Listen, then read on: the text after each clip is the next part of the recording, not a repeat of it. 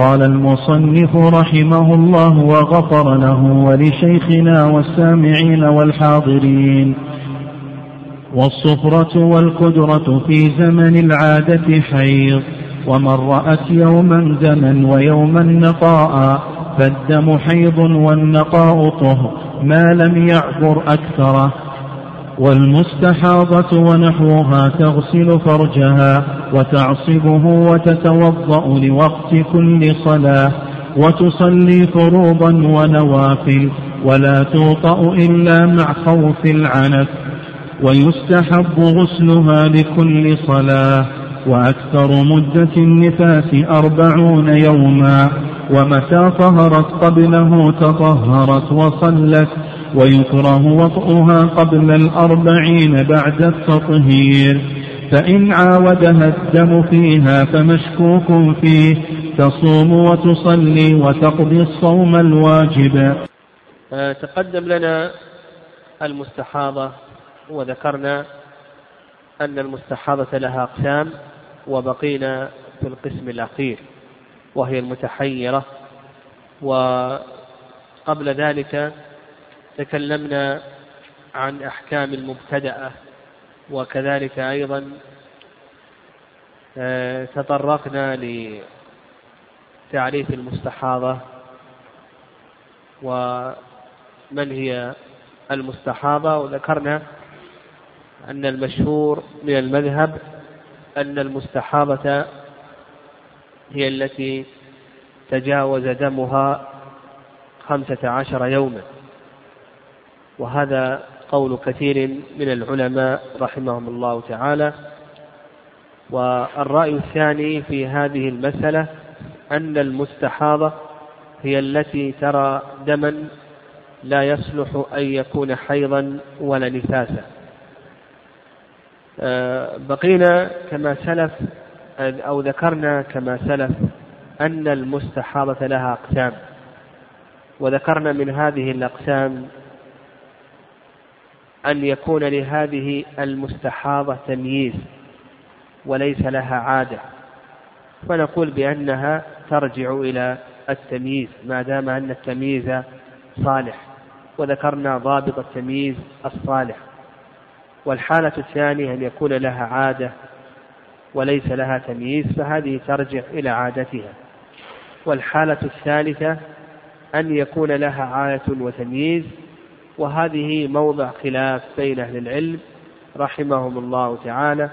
هل ترجع إلى التمييز أو نقول بأنها ترجع إلى عادتها؟ والمشهور من المذهب أنها ترجع إلى عادتها. وذكرنا بأن هذا هو الأقرب في هذه المسألة. فقيل في القسم الأخير وهو أن يكون لها عادة لكن لا, لا تمييز لها. أو لها تمييز لكنه غير صالح. القسم الأخير من أقسام المستحاضة أن يكون لها عادة وتنسى العادة وليس لها تمييز أو لها تمييز غير صالح. وهذه كما ذكرنا يسميها العلماء رحمهم الله تعالى بالمتحيرة. لها عادة وتنسى العادة وليس لها تمييز أو لها تمييز غير صالح. مثال ذلك هذه امرأة أطبق عليها الدم. وكان لها عادة. كان لها عادة من اليوم العاشر إلى اليوم الخامس عشر. وليس لها تمييز. الدم على وتيرة واحدة. طيب. متى كانت عادتك نسيت العادة؟ نسيت متى كانت العادة تأتيها؟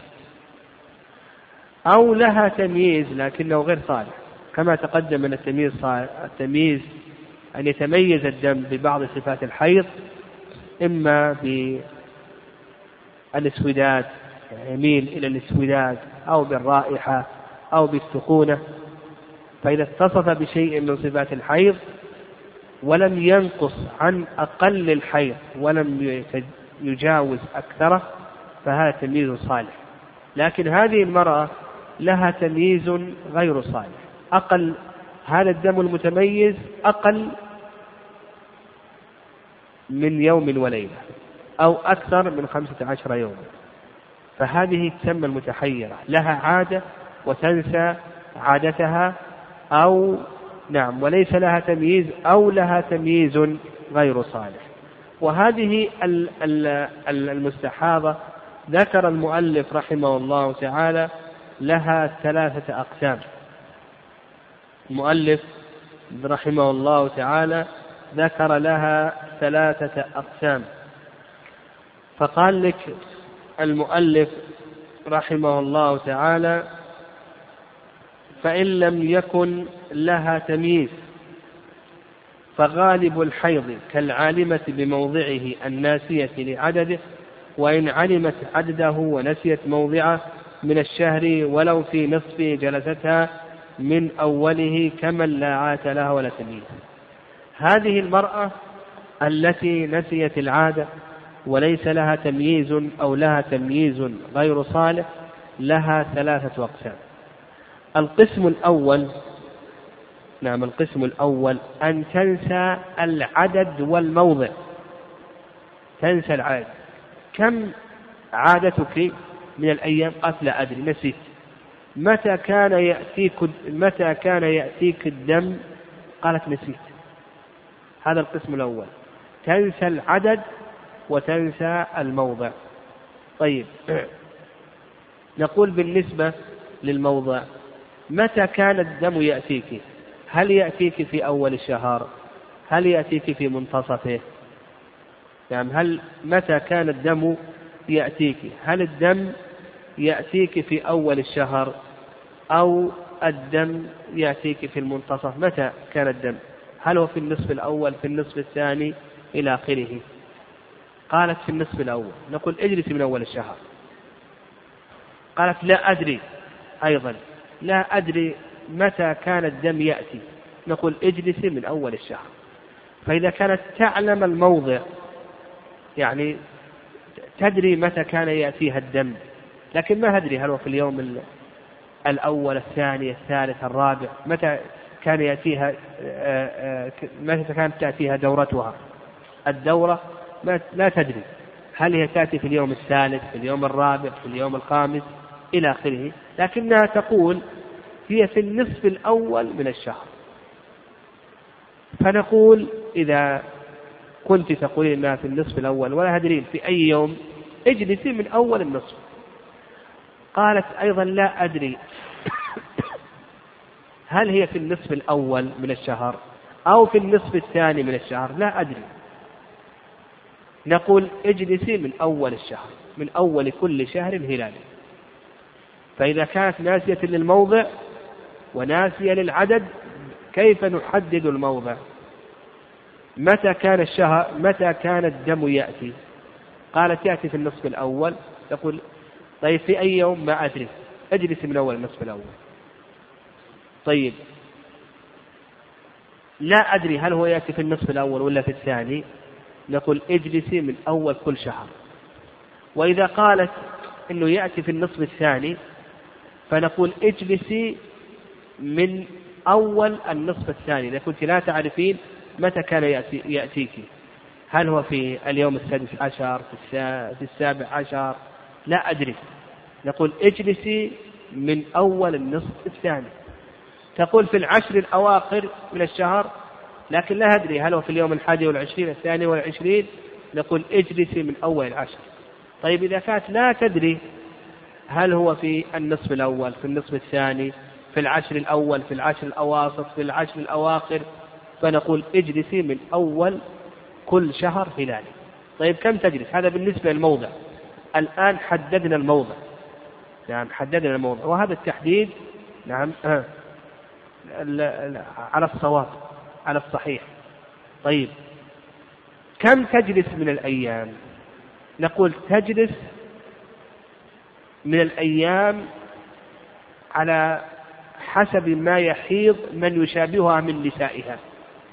من يشابهها من نسائها في العمر وفي الخلق كم تحيض؟ قالوا تحيض خمسة أيام. نقول اجلسي خمسة أيام. تحيض ستة أيام. نقول اجلسي ستة أيام وهكذا. فعندنا بالنسبة للقسم الأول من أقسام الناسية لعادتها وليس لها تمييز أن تنسى الموضع وتنسى العدد. كيف نحدد الموضع؟ نقول متى كان الدم يأتيك؟ في النصف الأول في النصف الثاني في العشر الأول الأواسط الأواخر. إن قالت في العشر الأوائل نقول اجلسي من أولها. في العشر الأواسط اجلسي من أولها. في العشر الأواخر اجلسي من أولها. طيب قالت لا أدري. نقول اجلسي من أول كل شهر هلال كم تجلس؟ نقول كما يحيض نساؤك. تنظر إلى من يشابهها من نسائها في الخلق وفي العمر وتحيض كما يحضن فإذا كانت من تشابهها تحيض ستة أيام. نقول اجلس ستة أيام. وهكذا. هذا القسم الأول. القسم الثاني القسم الثاني أن تكون ناسية للعدد. تعرف الموضع. تقول الموضع موضع العادة أنا أعرفها. الموضع هو في النصف الأول. الموضع أنا أعرف الموضع والموضع هو في النصف الأول. نقول اجلسي من أول النصف الأول. هي تعرف الآن الموضع. أو قالت مثلا الموضع هو في العشر الأول من الشهر. نقول اجلسي من أوله لكنها لا تحدد هل هو في اليوم الأول الثاني الثالث إلى آخره. لكنها تقول هي في العشر الأول من الشهر. نقول اجلسي من أولها. تعرف الآن الموضع. طيب. نسيت العدد. نعم إيه. تعرف الموضع. لكنها ناسية العدد الموضع تعرفه. تقول بأن الدم يأتيني في العشر الأول من أول الشهر. نعم. تعرف الموضع. تقول بأن موضع الدم يأتيني في العشر الأول من الشهر من أول الشهر. نقول اجلسي من أول الشهر. طيب. بالنسبة لعددك كم عدده؟ قالت لا أدري. نقول تحيضي كما يتحيض نساؤك.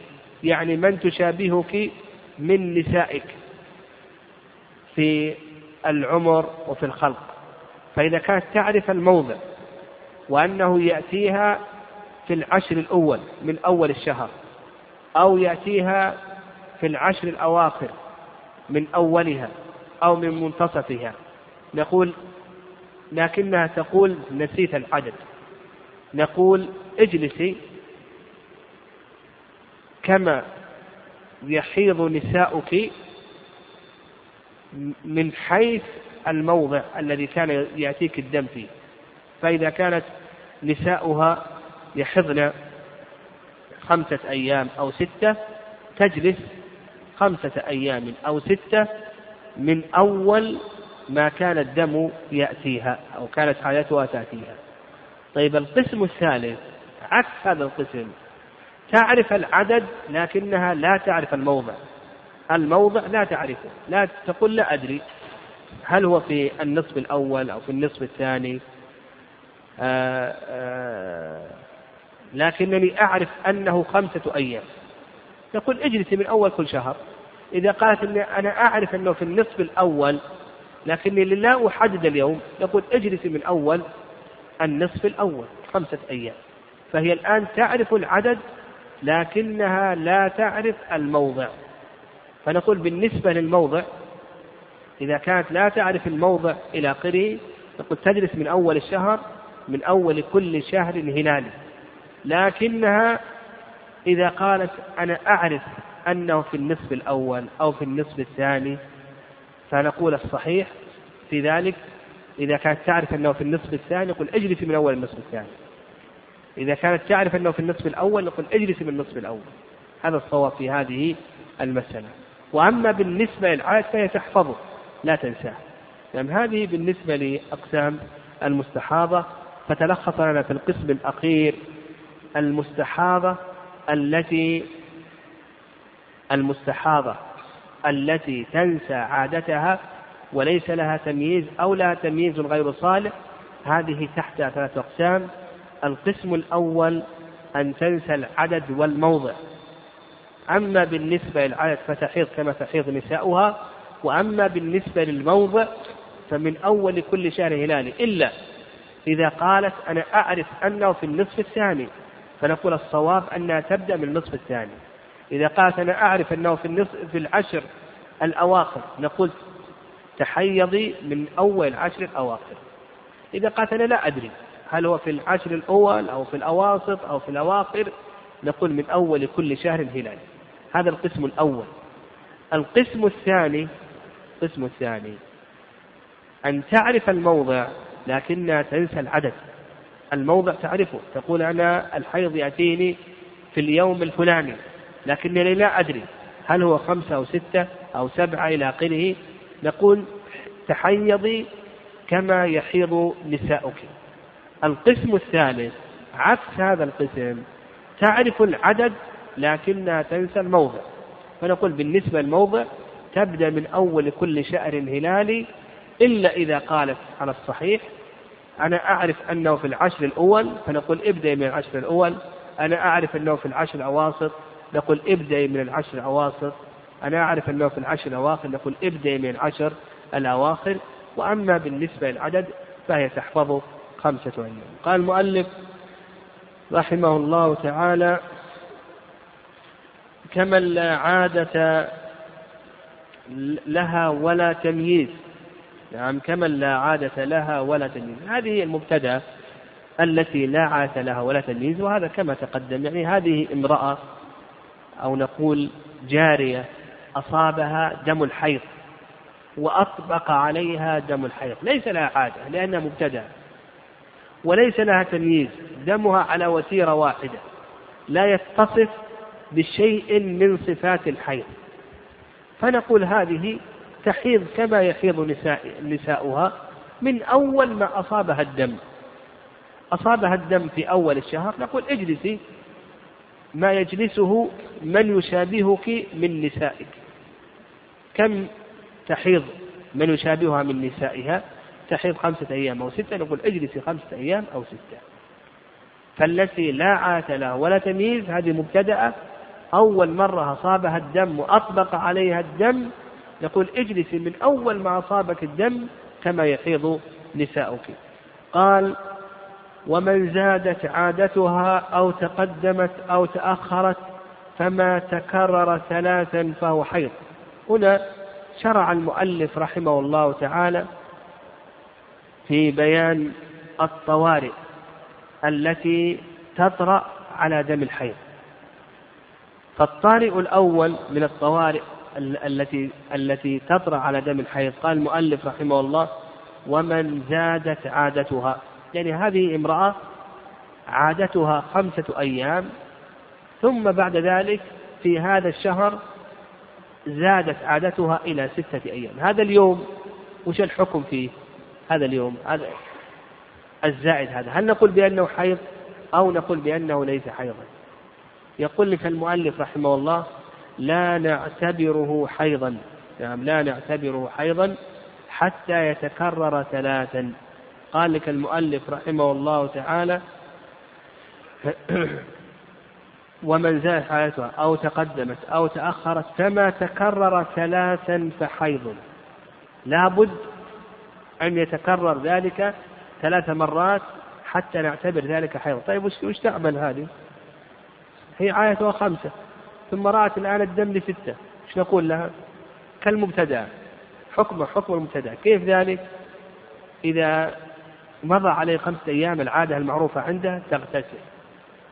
وتصلي وتصوم. فإذا انتهى اليوم السادس ها اغتسلت مرة أخرى. اغتسلت مرة أخرى. ثم بعد ذلك إذا تكرر عليه ثلاث مرات عرفنا أن هذا اليوم أنه ماذا؟ أنه حيض. أنه حيض. فترجع وتقضي الواجبات التي فعلتها في اليوم السادس. لأن اليوم السادس تصوم فيه وتصلي احتياطا لأي شيء؟ للعبادة احتياطا للعبادة. فيقول لك المؤلف رحمه الله تعالى بعد اليوم الخامس هي عادتها خمسة أيام وزادت العادة إلى ستة. تغتسل بعد الخمسة ثم بعد ذلك تفعل العبادات احتياطا. ثم تغتسل مرة أخرى إذا طهرت في اليوم السادس. وتفعل ذلك في الشهر الثاني والثالث. إذا تكرر عليها ثلاث مرات عرفنا أن هذا اليوم أنه دم حيض. ترجع وتقضي العبادة الواجبة كما ذكرنا في المبتدأ.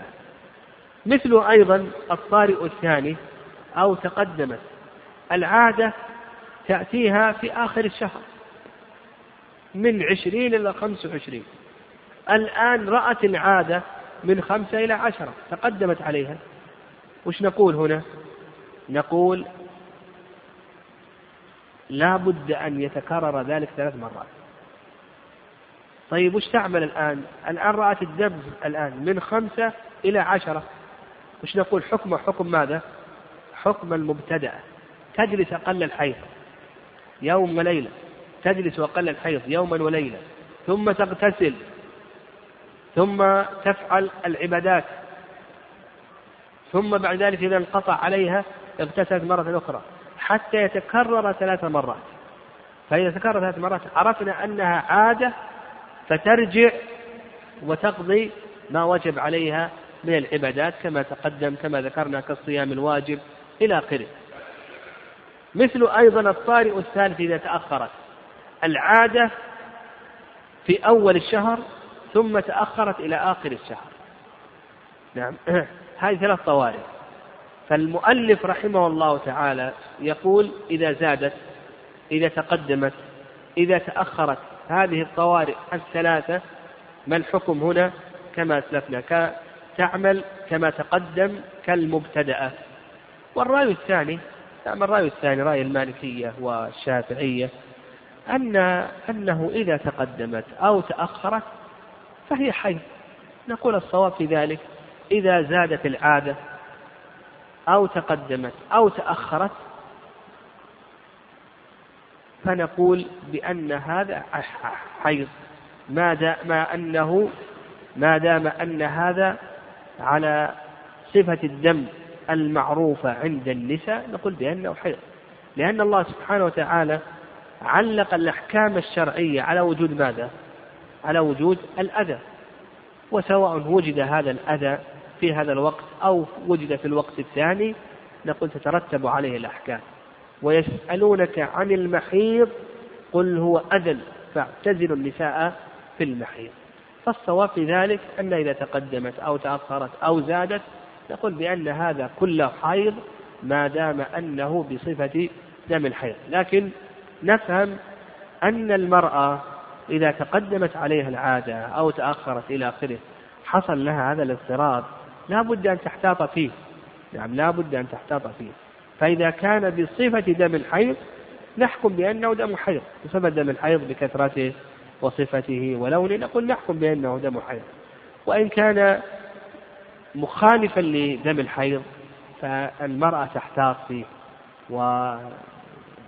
ونقول بأن هذا أنه دم عرق.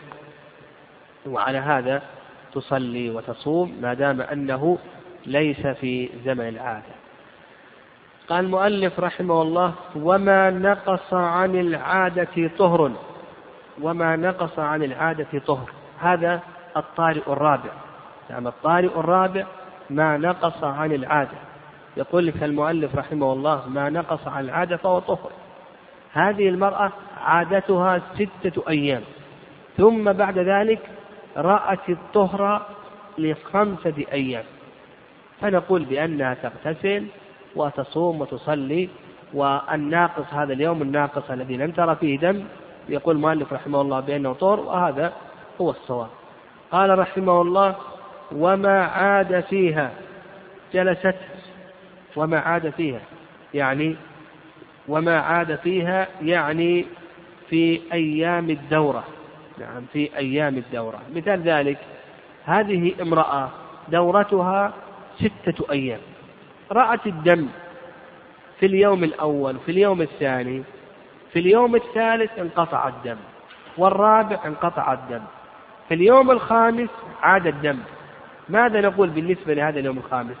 ها؟ حيض أو ليس حيضا؟ نقول بأنه حيض. ما دام أنه في زمن الدورة نقول بأنه حيض ولهذا قال لك المؤلف رحمه الله وما عاد فيها جلسته. هذه المرأة رأت الدم في اليوم الأول والثاني ثم رأت في اليوم الثالث والرابع طهرا ثم في اليوم الخامس جاءها دم الحيض عاد عليها. نقول بأنه حيض ما دام أنه في زمن الحيض. قال المؤلف رحمه الله والصفرة والكدرة. في زمن العادة حيض. الصفرة شيء كالصديد تعلوه صفرة. نعم الصفرة شيء كالصديد تعلوه صفرة. والكدرة شيء كدر ليس على ألوان الدماء. نعم شيء كدر ليس على ألوان الدماء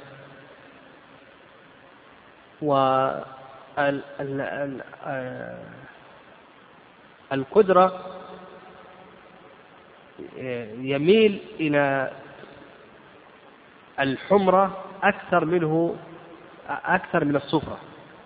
نعم الكدرة تميل إلى الحمرة أو نعم يعني يميل إلى دم الحيض أكثر من بالنسبة للصفرة يقول لك المؤلف رحمه الله والصفرة والكدرة زمن العادة حيض. يعني الصفرة والكدرة يقول لك أنها في زمن العادة حيض. وعلى هذا لو كانت المرأة دورتها ستة أيام. كانت دورتها ستة أيام. فرأت الدم ثلاثة أيام.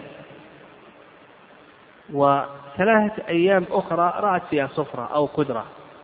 فنقول بأن هذه الصفرة والقدرة كما يقول المؤلف رحمه الله بأنها حيض. ويدل لذلك قول أم عطية رضي الله تعالى عنها كنا لا نعد الصفرة والقدرة بعد الطهر شيئا. كنا لا نعد الصفرة والقدرة بعد الطهر شيئا. فدل ذلك على أنها قبل الطهر تعد شيئا. وأسمى أيضا تقول رضي الله تعالى عنها اعتزلنا الصلاة ما رأيتن ذلك أي الصفرة اعتزلنا الصلاة ما رأيتن ذلك أي الصفرة حتى لا ترين إلا البياض. وهذا يعني ثابت عن أسماء رضي الله تعالى عنها رواه ابن أبي شيبة بإسناد حسن. وكذلك أيضا قول عائشة رضي الله تعالى عنها لا تعجل حتى ترين القصة البيضة لا تعجلن حتى ترين القصة البيضاء. وهذا أيضا ثابت عن عائشة رضي الله تعالى عنها. فنقول بأن الصفرة والقدرة حيض كما ذكر المؤلف وهو قول جمهور أهل العلم خلافا لابن حزم رحمه الله فإن ابن حزم يرى أن الصفرة والقدرة ليست حيضا والصواب أنها حيض كما ورد عن الصحابة رضي الله تعالى عنهم الصواب أنها حيض. طيب الصفرة والقدرة تنقسم إلى أقسام. نقول الصفرة والقدرة نقول بأنها تنقسم إلى أقسام.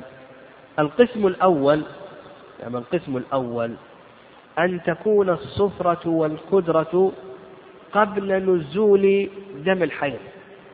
فبعض النساء قبل أن ينزل معها دم الحيض ترى صفرة أو قدرة فنقول هذه لا عبرة بها. نعم لا عبرة بها. ويدل ذلك قول أم عطية كما سلف. نعم قول كنا لا نعد الصفرة والقدرة بعد الطهر شيئا.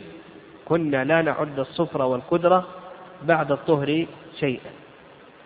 القسم الثاني أما القسم الثاني أن تكون هذه الصفرة والقدرة في زمن الحيض. نعم أن تكون هذه الصفرة والقدرة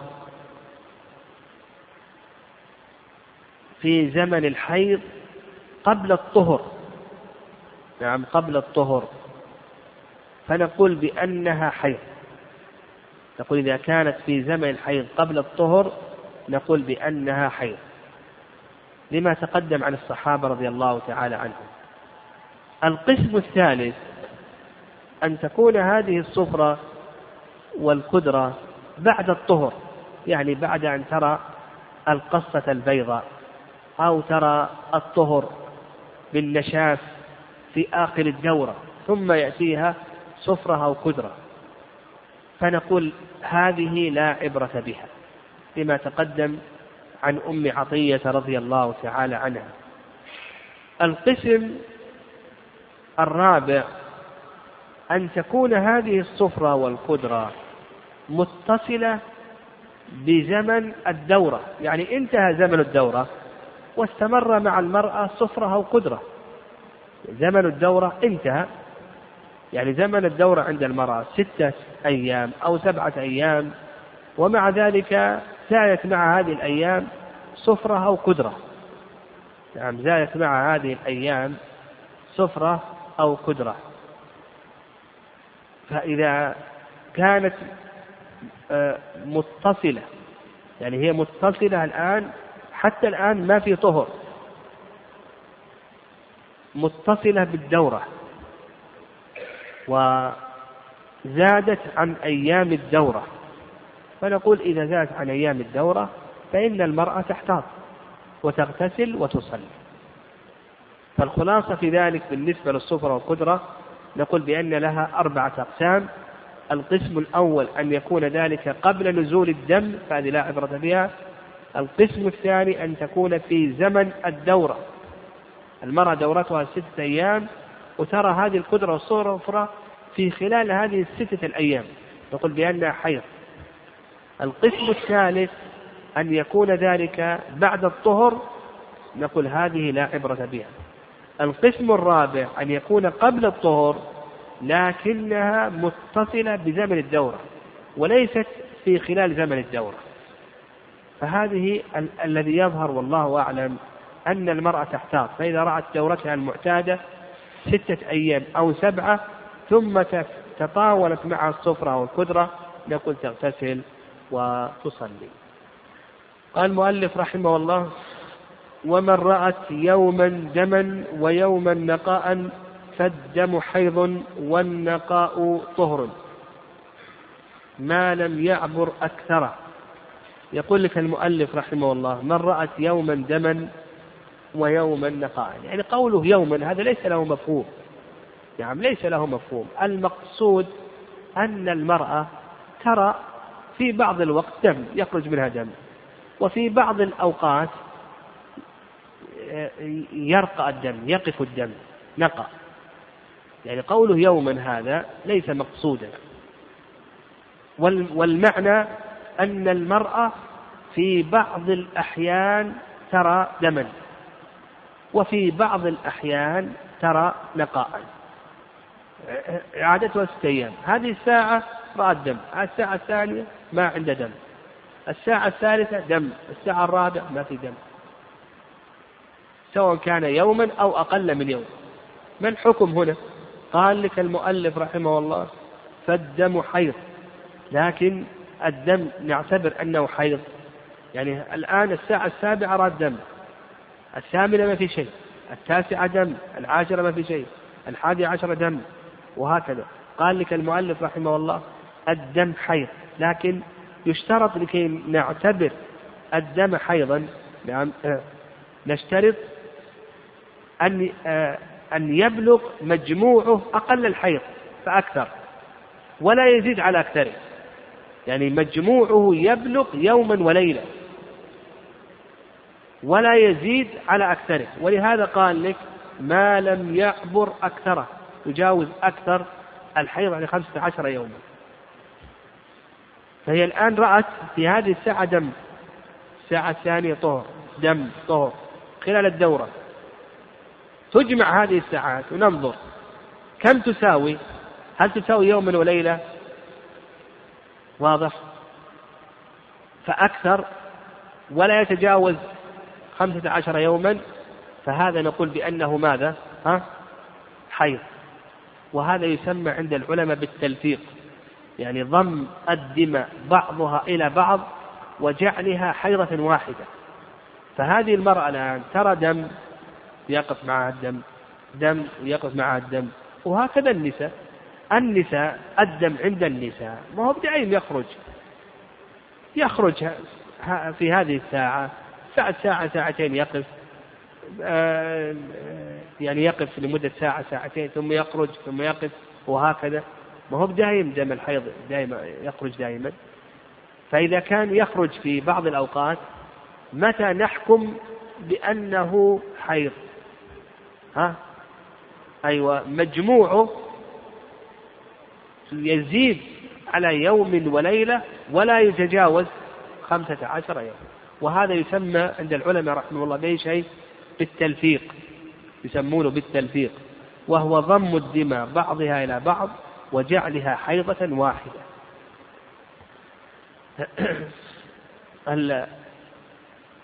طيب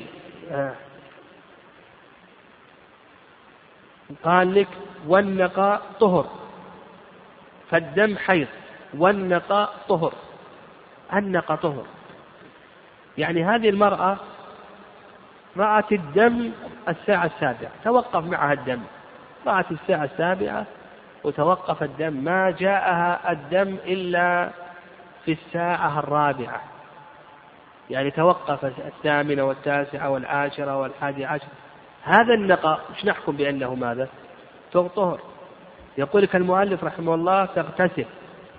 ما دام له طهر خلاص تغتسل. وتصلي فيه. تصلي فيه. يعني هي رأت الآن الدم في الساعة السابعة. ثم رأت نقى إلى الساعة الرابعة عصرا. هذه الفترة حكم حكم ماذا؟ حكم الطاهرات. مرت عليها صلاة يجب عليها أن تغتسل وتصلي فيها. يعني وهذا هو المشهور من المذهب. يقولون النقى طهر حتى ولو كان في أثناء الدورة وهذا لا شك أن فيه مشقة. لا شك أن فيه مشقة. طيب الرأي الثاني. نعم. نعم الرأي الثاني. أنه النقى يكون طهرا إذا كان يوما فأكثر. إن طهرت يوما فأكثر فهذا نعتبره طهر تغتسل فيه وتصلي وهذا قول اختيار ابن قدامة رحمه الله تعالى وعلى هذا إذا رأت الطهر لمدة عشر ساعات حكم حكم ماذا؟ حكم الحيض لمدة عشر ساعات هذا حكم حكم الحيض لكن رأت الطهر لمدة يوم فأكثر هذا نعتبره ماذا؟ طهرا يجب عليها تؤدي العبادة التي وجبت عليه فيها. الرأي الثالث أنه ما في فرق بين اليوم أقل أو أكثر ما دام أنه في زمن الدورة فهذا كله حيض. هذا كله حيض. وهذا اختيار شيخ الإسلام تيمية رحمه الله. وعلى هذا المرأة لو رأت في اليوم الأول الدم الحيض واستمر معها لمدة عشر ساعات طهر لمدة عشرين ساعة طهر نقى ما رأت شيء. وش نحكم بأن هذا الطهر؟ نحكم بأنه حيض. وهذا اختيار شيخ الإسلام تيمية رحمه الله وهو الصواب في هذه المسألة. صواب لأن كنا نقول بأن النقى طهر وأن المرأة يجب عليها أن تؤدي هذه العبادة في هذا في مشقة. يعني هذا وأيضا النساء يعني خروج دم الحيض من المرأة ليس على سبيل التتابع والاستمرار بل يخرج تارة ويبقى تارة أخرى يتوقف تارة أخرى فكون نقول بأن النقى طهر هذا فيه مشقة صعوبة والصواب أن النقى ما دام أنه في زمن الدورة نقول بأنه ماذا؟ ها؟ نقول بأنه حيض دام أنه فإذا رأت الدم رأت دما ثم بعد ذلك خلال عشرين ساعة أصابها ناقة أو خمسة عشر ساعة أصابها ناقة نقول هذا كله حيض. يعني هذا الأقرب في هذه المسألة. قال المؤلف رحمه الله تعالى والمستحاضة ونحوها تغسل فرجها. هنا الآن أراد المؤلف رحمه الله أن يبين أحكام المستحاضة بعد أن ذكر أحوال المستحاضة إلى آخره. وذكر الطوارئ على دم الحيض قال لك والمستحاضة ونحوها. يعني من يشابهها في كون الحدث يخرج منه على سبيل الاستمرار مثل من به سلس فول أو به سلس غائط أو به سلس ريح ونحو ذلك. قال تغسل فرجها. هذا الحكم الأول غسل الفرج. ويدل لذلك نعم قول النبي عليه الصلاة والسلام فاغسلي عنك الدم. نعم قول النبي عليه الصلاة والسلام للمستحاضة فاغسلي عنك الدم ثم صلي. وهذا رواه البخاري في صحيح من حيث عائشة رضي الله تعالى عنها. ولأن هذا الدم خبيث نجس. فنقول يجب عليها أن تغسل الدم هذا الحكم الأول. تغسل الفرج.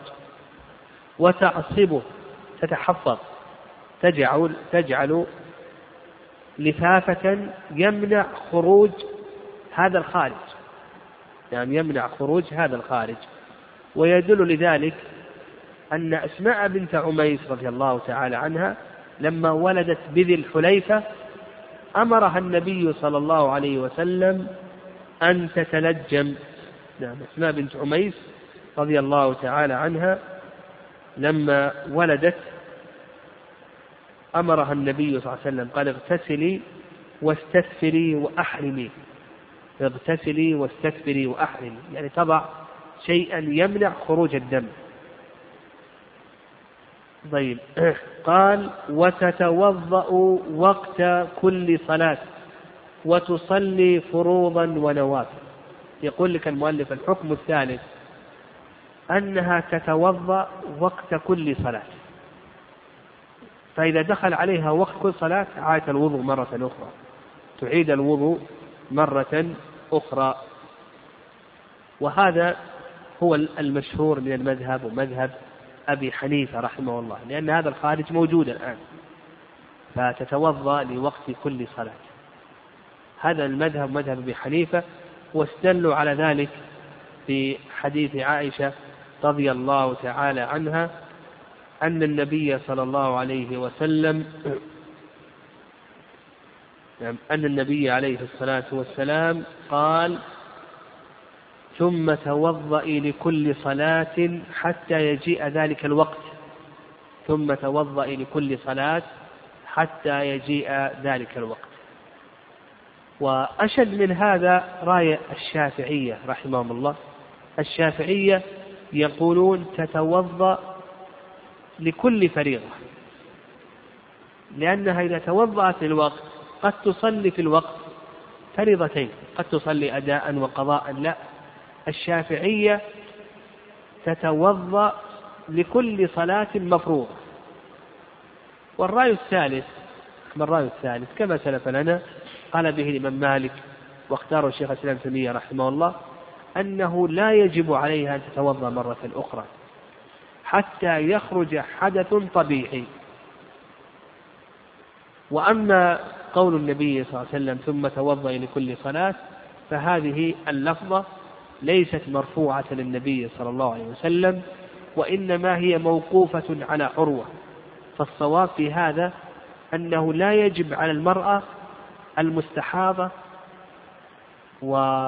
ونحو المستحاضة كمن به سلس بول أو غائط أو ريح لا يجب عليه يتوضأ لكل وقت كل صلاة وإنما يجب أن يعيد الوضوء إذا خرج دم طبيعي حدث طبيعي. أما هذا الحادث الحادث غير الطبيعي فلا يجب إعادة الوضوء له. مثله أيضا غسل الفرج ما يجب. يعني ما يجب أن تغسل الفرج وأن تعيد اللفافة مرة أخرى إلى آخره فهذا لا يجب عليه.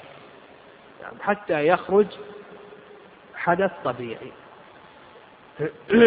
قال رحمه الله ولا توطأ إلا مع خوف العنت هذا الحكم الحكم الأول الثاني الثالث الرابع.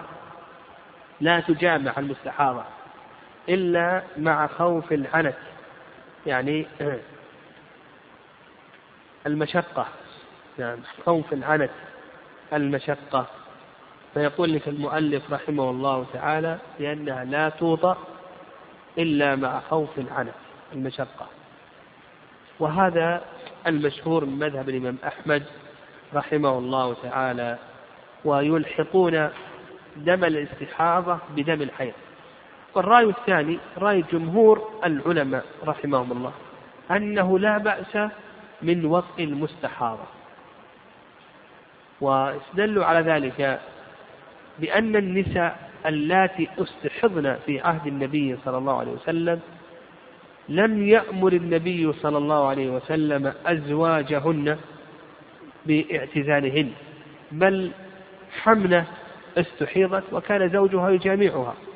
وكذلك أيضا أم حبيبة رضي الله تعالى عنها كانت تستحاض وكان زوجها يجامعها. والصواب في هذه المسألة أن وطء المستحاضة جائز. والحنابل يقولون لا يجوز ومع ذلك خففوا. قالوا مع العنت يجوز. ولو وطئها لا كفارة فيه. ليس كدم الحيض تجب فيه الكفارة. قال ويستحب غسلها. هذا الحكم الخامس. يقول لك المؤلف يستحب غسلها لكل صلاة لأن أم حبيبة استحيضت فسألت النبي صلى الله عليه وسلم فأمرها أن تغتسل فكانت تغتسل عند كل صلاة. يعني أم حبيبة رضي الله تعالى عنها كانت تغتسل عند كل صلاة ولأن الغسل فيه فائدة طبية بالنسبة للمستحاضة. فيه فائدة طبية بالنسبة للمستحاضة فإنه مما يساعد على تقلص الدم وتجمده. يعني فيستحب لها أن تغتسل هذا باتفاق الأئمة. يعني باتفاق الأئمة خلافا لما ذهب إليه بعض السلف وبعض الصحابة من أنه يجب عليها أن تغتسل كما هو قول عطاء وابن الزبير ورد عن علي وابن عمر وابن عباس. أنه يجب عليها أن تغتسل. الصواب أنه يستحب لها أن تغتسل كما فعلت أم حبيبة رضي الله تعالى عنها. قال وأكثر مدة النفاس أربعون يوما. النفاس في اللغة مأخوذ من النفس وهو خروج الهوى من الجوف أو من نفس الله كربته أي فرجه يعني مأخوذ من النفس وهو خروج الهوى من الجوف أو من نفس الله كربته أي فرجها. ولما ذكر المؤلف رحمه الله تعالى ما يتعلق بدم الاستحاضة شرع بذكر ما يتعلق بدم النفاس. آه، والنفاس في الاصطلاح دم يرخيه الرحم. دم يرخيه الرحم مع الولادة أو بعد الولادة. نعم دم يرخيه الرحم مع الولادة أو بعد الولادة. قال المؤلف رحمه الله وأكثر مدة النفاس أربعون يوما. أربعون يوما. وهذا هو المشهور مذهب الإمام أحمد واستدلوا على ذلك بحديث أم سلمة. يعني بحيث أم سلمة قالت كانت النفساء تجلس على عهد رسول الله صلى الله عليه وسلم أربعين يوما. وهذا الحديث رواه أحمد وأهل السنن وفيه ضعف هذا الحديث هذا الحديث فيه ضعف لكنه وارد عن الصحابة رضي الله تعالى عنهم. نعم وارد عن الصحابة رضي الله تعالى عنهم عمر وابن عباس وأنس وعثمان بن أبي العاص عمر وعثمان بن أبي العاص وأنس وابن عباس رضي الله تعالى عنهم. وعند الشافعي ومالك عند مالك والشافعي أنها تجلس ستين يوما أن النفس تجلس ستين يوما. والصواب في هذه المسألة ما ذهب إليه الحنابلة رحمهم الله أنها تجلس أربعين يوما. وهذا قول الأطباء الآن. يعني الآن الأطباء في الوقت الحاضر يقولون بأن النفاس السوي كم؟ ستة أسابيع. النفاس السوي يقولون بأنه ستة أسابيع. وهذا ما يقرب من من أربعين يوما. فالصواب في هذه المسألة ما ذهب إليه الإمام أحمد رحمه الله تعالى. طيب. الدم الخارج مع المرأة عند الولادة لا يخلو من ثلاث أقسام. نعم الدم الخارج مع المرأة عند الولادة لا يخلو لا يخلو من ثلاث أقسام. القسم الأول نعم القسم الأول أن يخرج بعد الولادة. نعم القسم الأول أن يخرج بعد الولادة. فنقول بأن هذا نفاس. إذا خرج بعد الولادة نقول بأنه نفاس. القسم الثاني القسم الثاني أن يخرج مع الولادة. أن يخرج مع الولادة. هذا أيضا موضع خلاف بين أهل العلم رحمهم الله والصواب أنه نفاس القسم الثالث أن يخرج قبل الولادة. يعني أن يخرج قبل الولادة. فالمشهور من مذهب الإمام أحمد رحمه الله تعالى أنه إذا خرج قبل الولادة ينظر. إذا خرج قبل الولادة ننظر. إن كان قبل الولادة بزمن يسير ومعه أمارة. أمارة على الولادة علامة على الولادة كالطلق. فهذا نفاس وإلا فليس نفاسا. يعني متى نحكم بأنه نفاس بشرطين؟ الشرط الأول الشرط الأول أن يسبق الولادة بزمن يسير. الشرط الثاني أن يكون معه أمارة علامة. علامة على الولادة كالطلق فيتوفر الشرطان فإنه نفاس. نحكم بأنه نفاس. قال المؤلف رحمه الله تعالى ومتى طهرت قبله؟ تطهرت وصلت. يعني متى طهرت قبل الأربعين؟ تطهر تغتسل وتصلي. لكن لابد لابد أن ينقطع الدم تنقطع الصفرة والقدرة يعني ما يكون معها شيء تنشف تماما المرأة. أما إذا كانت لأن بعض النساء أو كثير من النساء يعني هذه آية النساء ترى الدم لمدة عشرة أيام لمدة عشرين يوم ترى دم. بعد ذلك يبقى يخرج معها صفرة أو قدرة إلى أن تصل إلى أربعين. فإذا وصلت إلى أربعين نقول اغتسلي وصلي. لكن لو أنها رأت دما لمدة عشرين يوم وصفرة لمدة عشرة أيام ثم نشفت. ليس معها شيء. نقول اغتسلي وصلي. لكن لو كان معها آثار النفاس من صفرة أو قدرة فإنها معتبرة ما دام أنها في زمن النفاس وهو أربعون يوما. تقول لا لا تصلي ولا تصوم حتى تنشف تماما من هذه الأشياء. فإذا نشفت تماما من هذه الأشياء نقول اغتسلي وصلي. فإما أن تنشف منها أو تتم أربعين يوما. فإذا تمت أربعين يوما ولو كان معها صفرة أو قدرة أو دم يقول تغتسل وتصلي. قال ومتى طهرت؟ قبله تطهرت وصلت يعني قبل الأربعين تتطهر وتصلي. قال ويكره وطئها قبل الأربعين بعد التطهر. يعني يكره وطئها قبل الأربعين قبل التطهر. يعني هذه امرأة تم لها ثلاثون يوما ثم انقطع عنها دم النفاس. ولا ترى لا صفرة ولا قدرة اغتسلت وصلت. هل لزوجها أن يجامعها أو نقول يكره له أن يجامعها؟ المشهور من المذهب أنه يكره له أن يجامعها لقول عثمان بن أبي العاص رضي الله تعالى عنه لزوجته لما هاته قبل أربعين قال لا تقربيني. يعني قول عثمان بن أبي العاص لزوجته لما أتته قبل أربعين قال لا تقربيني. والرأي الثاني رأي جمهور العلماء أن هذا جائز ولا يكره. لا كراهة لأن الأصل الحل. وكما قال ابن عباس رضي الله تعالى عنهما إذا صلت حلت. يقول ابن عباس إذا صلت حلت فالصواب أنه لا يكره وطئها. قال رحمه الله فإن عاودها الدم فمشكوك فيه. إن عاودها الدم يقول لك المؤلف رحمه الله مشكوك فيه. تصوم وتصلي وتقضي الواجب. يعني هذه امرأة نعم هذه امرأة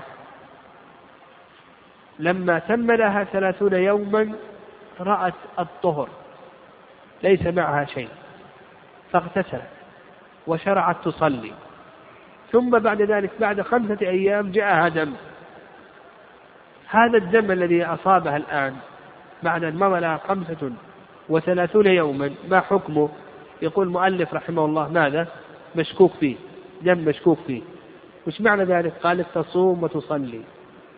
ثم بعد ذلك تقضي الواجب احتياط العبادة إلى آخره.